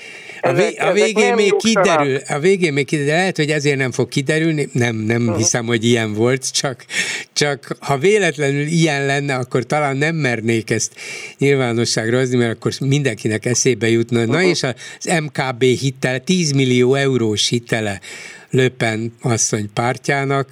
Mennyi is volt körülbelül ez az összeg? 10, 10 millió euró, tehát körülbelül annyi, mint amennyihez összesen jutott a, a Mindenki Magyarország a mozgalom, illetve ez az ellenzéki portál. Igen. Na most az a dolognak a technikai része, hogy hogy adták ezt a hitelt, mert ugye, hogy valaki kicsiben, mint személy, vagy mint szervezet vagy cég hitelt kapjon, hát azért a különböző feltételeknek meg kellett volna felelni. Hát az illető hölgy már sehol nem kap tudtommal pénzt, mert annyira el volt adósodva, hogy szerintem Európában sehol nem adtak volna neki pénzt, de hát ez csak a banktechnikai része már a dolognak.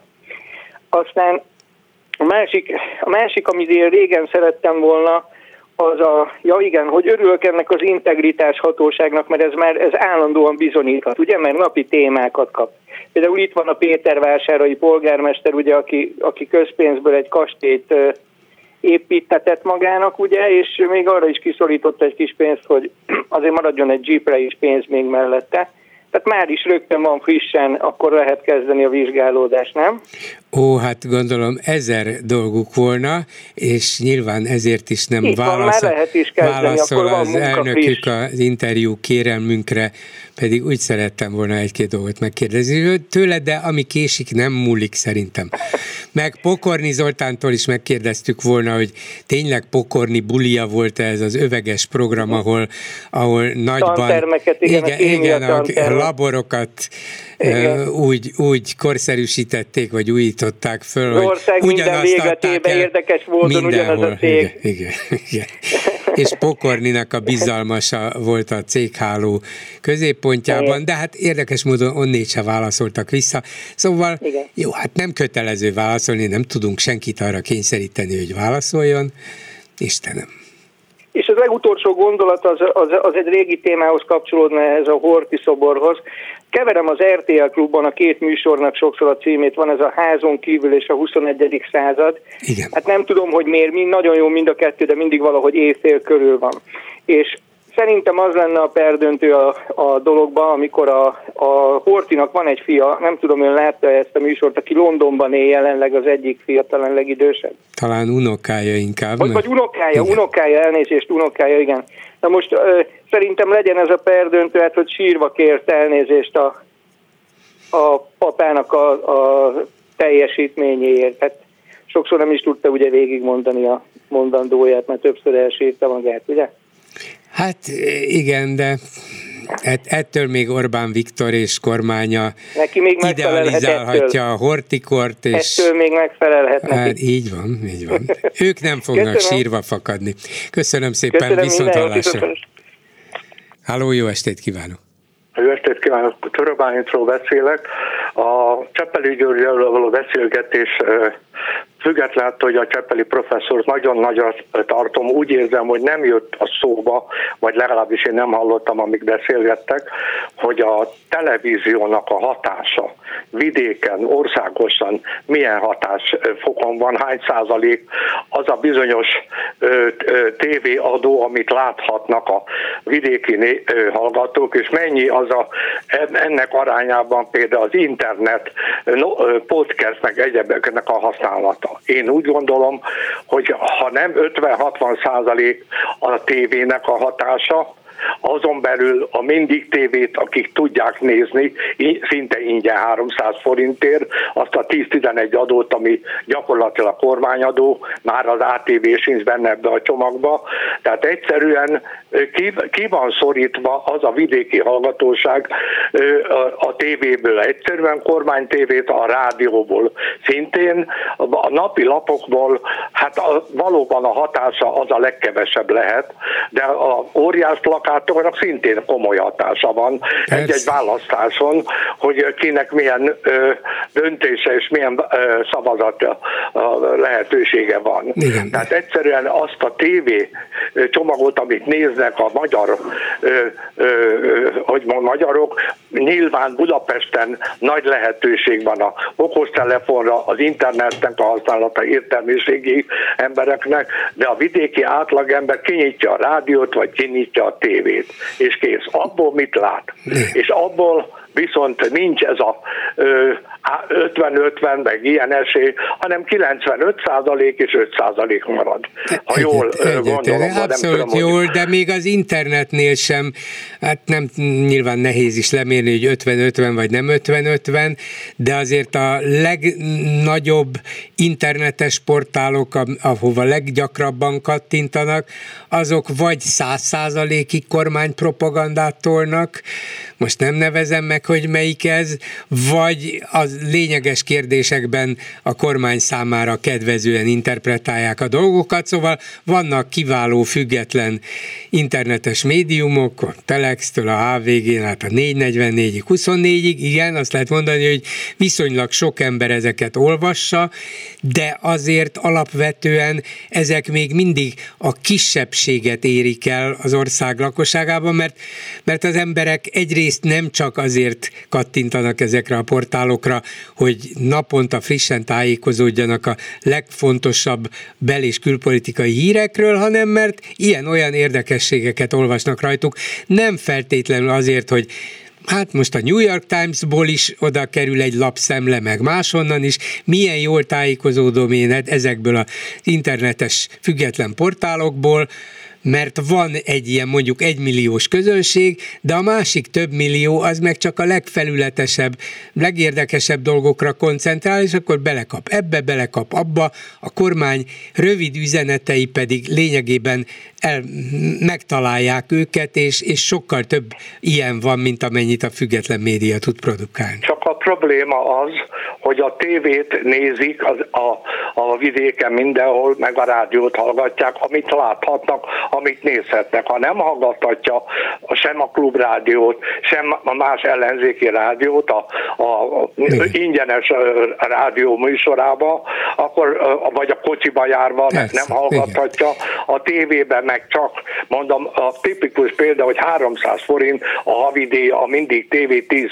csomag, a falun, vidéken ezt nézi. Persze, persze. Ezt tudja nézni, ezt tudja megfizetni. Igen, így Tehát van, az, hogy egy 5000 forintos csomagot használjon a tévébe, vagy ki tudja, ma, hol tart a, ma a tévécsomagot, de azt hiszem 5000 az alsó határ, hát erre nem áldoznak. Amikor ott van neki a föltéve egy valamilyen antenna, és azzal nézi a mindig tévé csomagját. És, és, és ők döntenek a választáson végül, mert két-három millió ember van, aki csak ezt tud nézni.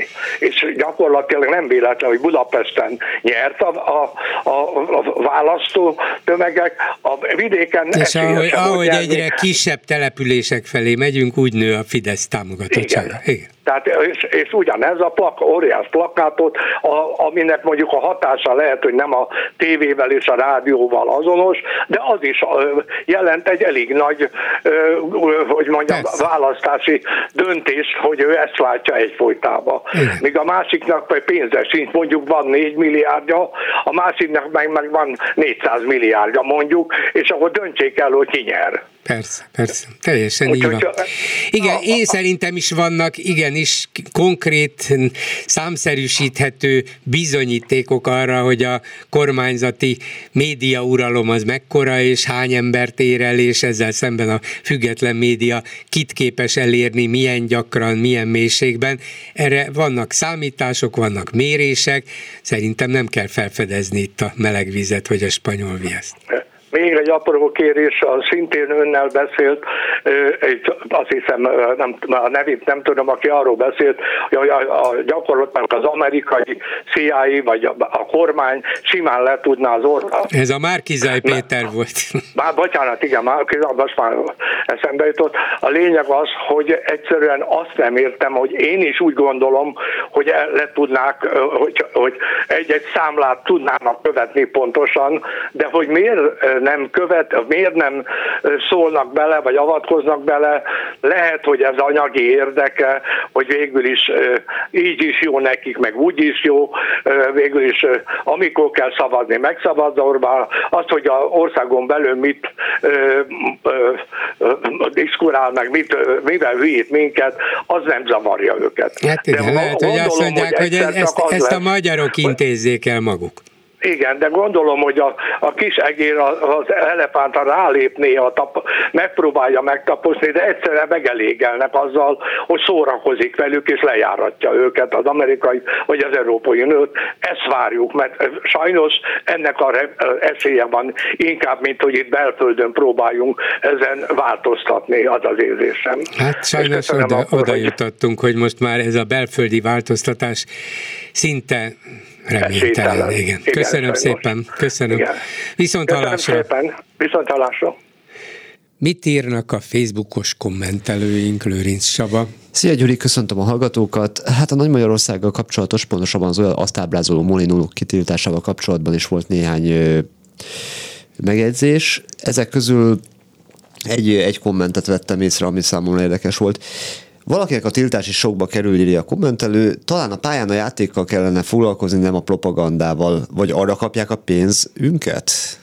Hát ugye a közönség, az, az, a közönség számára az a játék, amit ők bemutatnak ott a lelátókon, az is a játék része, hogy akkor mit üvöltenek, vagy milyen zászlókat, vagy molinókat mutatnak Jó, hát be. hát ez a törzsi színvonalon működik, csak van, aki például szereti a sportot ja, magában olyan is, is Olyan is van, és... igen, aki nem ezt akarja nézni, de hát vegyük számításba azt is, hogy bizony vannak több ezren, ilyen meccseken, akiknek ilyenfajta politikai üzenetek is kellenek. Igen, persze.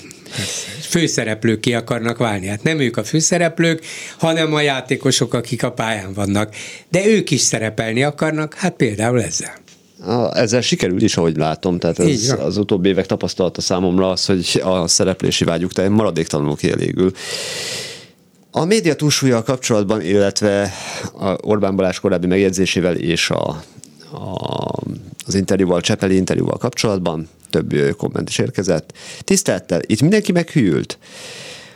A Csepeli ott téved, hogy magát egy szintre teszi a hatalom által kényszerhelyzetbe hozott különösebb vidéki emberek sokaságával. Hol élik, vagy mit, hol él, vagy mi történik vele? Kérdezi a kommentelő. Én úgy gondolom egyébként, hogy a média túlsúlyt azt nem lehet tagadni, hogy a kormányoldalon megvan. Ez volt az első dolog, amit... Ez a vicc, hogy ugye Orbán Balázs már nem is tagadja, sőt kifejezett elérendő célnak nevezte, hogy igen, így lehet uralni az országot, az embereket. Igen, én pedig azt tartom egészen meghökkentőnek, hogy mi ugyanezt tudjuk, és ezerszer el is mondjuk, hogy persze ezért csinálták, ezért nyúlták le a médiát, ezért és csinálták. semmi következménye. Igen, de azt eddig még nem hallottam tőlük, hogy ők ezt elismerjék és bevallják, és ezt még a diktátorok se ismerik be. Pedig általában hát ez... ezt csinálják, persze, nem. tudjuk, és azt is tudjuk, hogy miért csinálják. De hogy ők elismerjék, hogy hát igen, ez a célunk. Ez most vagy naivitás, vagy az a fajta magabiztosság? Na, és mi van? Ez Cinizmusnak mindenképpen Igen. cinizmus, tehát Igen. kimeríti a fogalmat. Megint sikerült beletenyerelni, és egy remek szociológust felhívni, nagyon nem kedvelték az interjút ez ügyben. Jó, hát Cseppeli engem is meglepett, most függetlenül attól, hogy, hogy a hallgatók hogyan reagálnak erre. Meglepett a reakciója, mert arra gondoltam, hogy hogy nem abból indul ki, hogy hát végül is mindent szabad. Persze, szabad olvasni mást is, megjelenhet más is, elhangozhat más is, országon kívül is, meg, meg Facebookon is, meg bárhol. Persze, hozzá lehet jutni információkhoz, de a média szabadságot nem ez jelenti. Igen, de hát ez, ez, mint látható, ez, a, ez az a problémakör, amivel nem akarnak foglalkozni az emberek teszem azt, hogy, hogy valaki... De a mi hallgatóink akarnak, mert ezért is kifogásolták. Így van, így van, így van, így van, abszolút arra, arra érezték ki, illetve megint kapták kritikát. Nem, nem mond. Mi lenne, hogyha úgy jönnél be, hogy a kritikákat szépen kinhagyod, és aztán, amikor kimész, fölveszed újra. Azért, mert te ezt Na. élvezed, ismerd be. A mai műsor azzal kezdődött, hogy drága jó bolgár úr rosszalónak mondható megfogalmazásban elmondta, hogy Doblev, Doblev Klára se ma, se holnap, se a jövő héten nem fog ráérni. Nem, ja, ja értem. Hát de ez volt a válasz. Ha most mit Igen. csinálják? Én tudom, hogy szeretnének a hallgatók Dobrev Klárától interjút. Szeretnék. Többször is mondták, hogy miért nem kérdezem meg. Itt volt most egy alkalom, tegnap az egyenes beszédnek nyilatkozott. Gondoltam, hogy ez azt jelenti, hogy akkor most ráér, a Gyurcsány Ferenc éppen ma tette ki a Facebookra, hogy következő kormányt ő fogja vezetni, ráadásul éppen Navracsics bejelentette az 5 perces győzelmét, 5 perc alatt villámháborúval legyőzte Brüsszelt, ja, hogy közben visszavonult a kormány az Erasmus. Itt egy ügyben. újabb megjegyzés volt, hogy Igen. letérdeltek Brüsszel előtt. az is lehet. Na, szóval gondoltam, hogy itt van néhány dolog, amit megkérdeznék tőle, de ez volt a válasz. Most lehet úgy tenni, hogy én ezt nem mondom, mondom el, de éppen azért, mert tudom, hogy a hallgatók szeretnének, szeretnék hallani Dobrev Klárát, ezért gondoltam, hogy elmondom, hogy ez volt a válasz, és remélem, hogy előbb-utóbb tudunk egyeztetni időpontot, és szerintem nem azért van, mert nem akar nekünk interjút adni, csak valamiért kevesebbet beszél az utóbbi hónapokban, ez biztos. Ugyanebben a kommentben azért arra kitértek, hogy szerintük az lehet, bár a kommentelő szerint az lehet az oka ennek, hogy fél órákat adsz a kormány közeli... Ö... Kiknek? A hosszúra, a hosszúra nyúló interjúkra gondolta Csak szeretném emlékeztetni a hallgatót arra, hogy az utóbbi legalább három hónapban, legalább három hónapban egyetlen egy Fideszes sem állt kötélnek, de lehet, hogy még több hónapban. Azok se, akik korábban igen, Hollik István például most születésnapja alkalmából kapott gratulációt Orbán Viktortól, és azt mondta, hogy ez a sok dicséret, meg, meg gratuláció, ez egész évre elég lesz neki, és erőt ad, és így tovább. Gondoltam, hogy ez is milyen jó alkalom lehet, hogy itt is gratuláljunk, és egyébként kérdezzünk is ezt a Szollik Istvántól, de nem, ez se sikerült, Füriyes Balázs sem akar újabban interjút adni, Hidvégi Balázs sem Brüsszelből, pedig ugye ott megint győztünk öt perc alatt, tehát lenne miről beszélni, és nem, nem, nem, nem, úgyhogy mm, szeretnék igen néhány fideszessel még a legfőbb Fideszessel is beszélni, de hát egyre kevésbé sikerül, be kell vallanom. Úgyhogy ne panaszolják Milyen azt el, hogy hónapokkal ezelőtt esetleg egy fél órát beszéltem valakivel. Milyen széjelősek lettek az utóbbi időben? Igen. Továbbra is ugyanazok a kommentek, hogy ha kicsivel kevesebb lojalitást tanúsítanál a kormánypártiak felé, ha alá hogy így hangzik, így hangzik a komment, több megértés az ellenzéket jobbító szándéka kritizálók felé, ez, ez megint egy érdekes gondolat, és talán hamarabb ide, lesz ideje Dobrev Klárának a megbeszéljük részére állítja a kommentelő. Hát ezt most mm, nem igazán tudom értelmezni, biztos vagyok benne, hogy Dobrev Klára nem azért nem ért rá ma, mert a bolgár állandóan a Füriyes Balázsjal, vagy vagy a Navracsics Tiborral beszél. Navracsics sajtósa egyébként már legalább 15-ször ígérte meg, hogy hát persze azonnal mindjárt, holnap, holnap után, de e még, még, még mindig nem sikerült, úgyhogy, úgyhogy nem ezért nem ezért nem tudtam ma Dobrev Klárával interjút, de törekszem arra, hogy legyen interjú, és gondolom neki sincs ellenére. Igyekszünk megtalálni ennek az idejét, módját, lehetőségét. További kommentek között ilyen gondolatok voltak, hogy az ellenzéket nem agyon kritizálni kéne, hanem erősíteni, támogatni. Tehát egy teljesen ellentmondásos kommentek érkeznek. Én nem is tudom hova tenni a dolgot. De hát mit támogatnánk? Az ellenzéket támogatjuk, hát ez egyértelmű.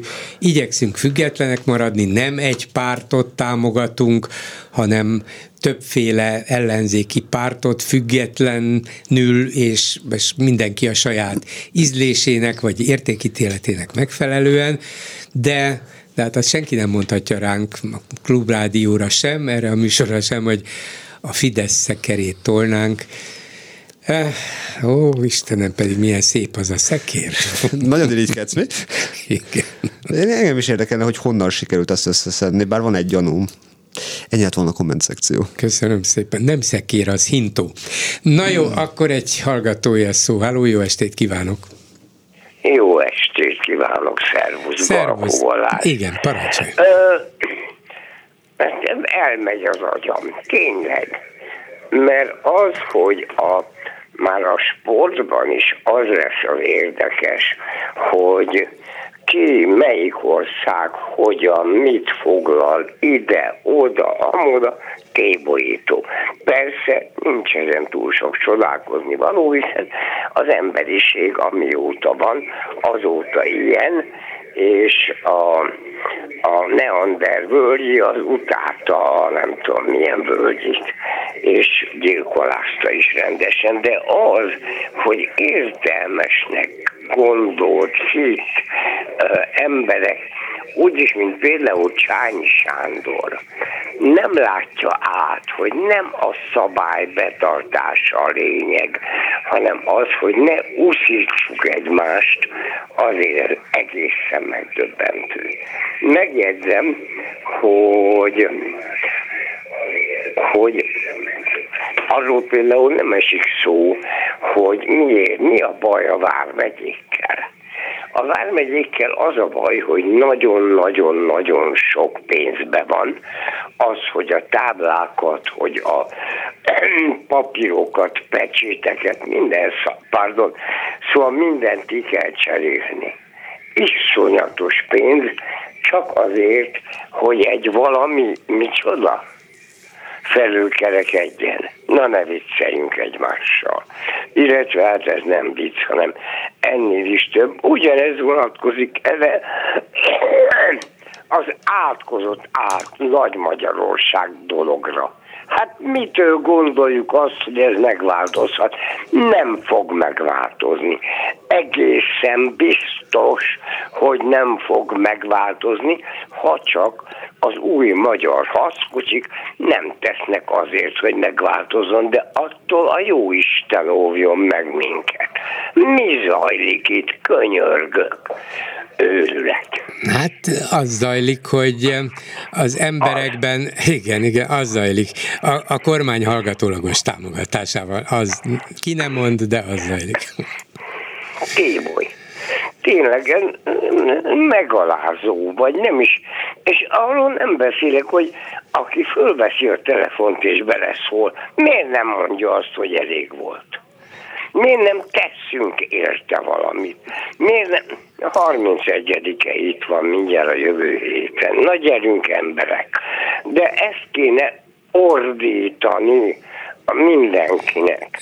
Balázs, ordíthatjuk, csak annyian hallgatnak, akik velünk egyetértenek, és nem hallgat az, aki, aki a társadalom másik és egyelőre nagyobb részének a tagja, és azt mondja, hogy jön, mit beszélnek ezek az ellenzékiek, rohadt komcsik, vagy lipsik, vagy akárki, nekik semmi se jó, ezek nem is igazi magyarok. Igen.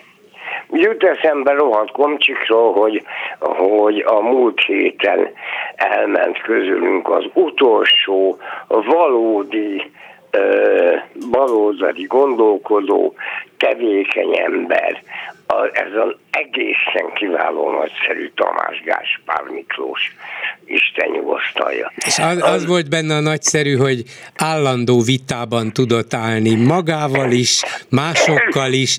Egyszerűen nem, nem, nem volt hajlandó megnyugodni, nem volt hajlandó belenyugodni semmibe, állandóan kereste a jobbat, az újabbat, a mást, a, a, a, azokat a bizonyítékokat, amelyek alapján a társadalom jobban működhetne.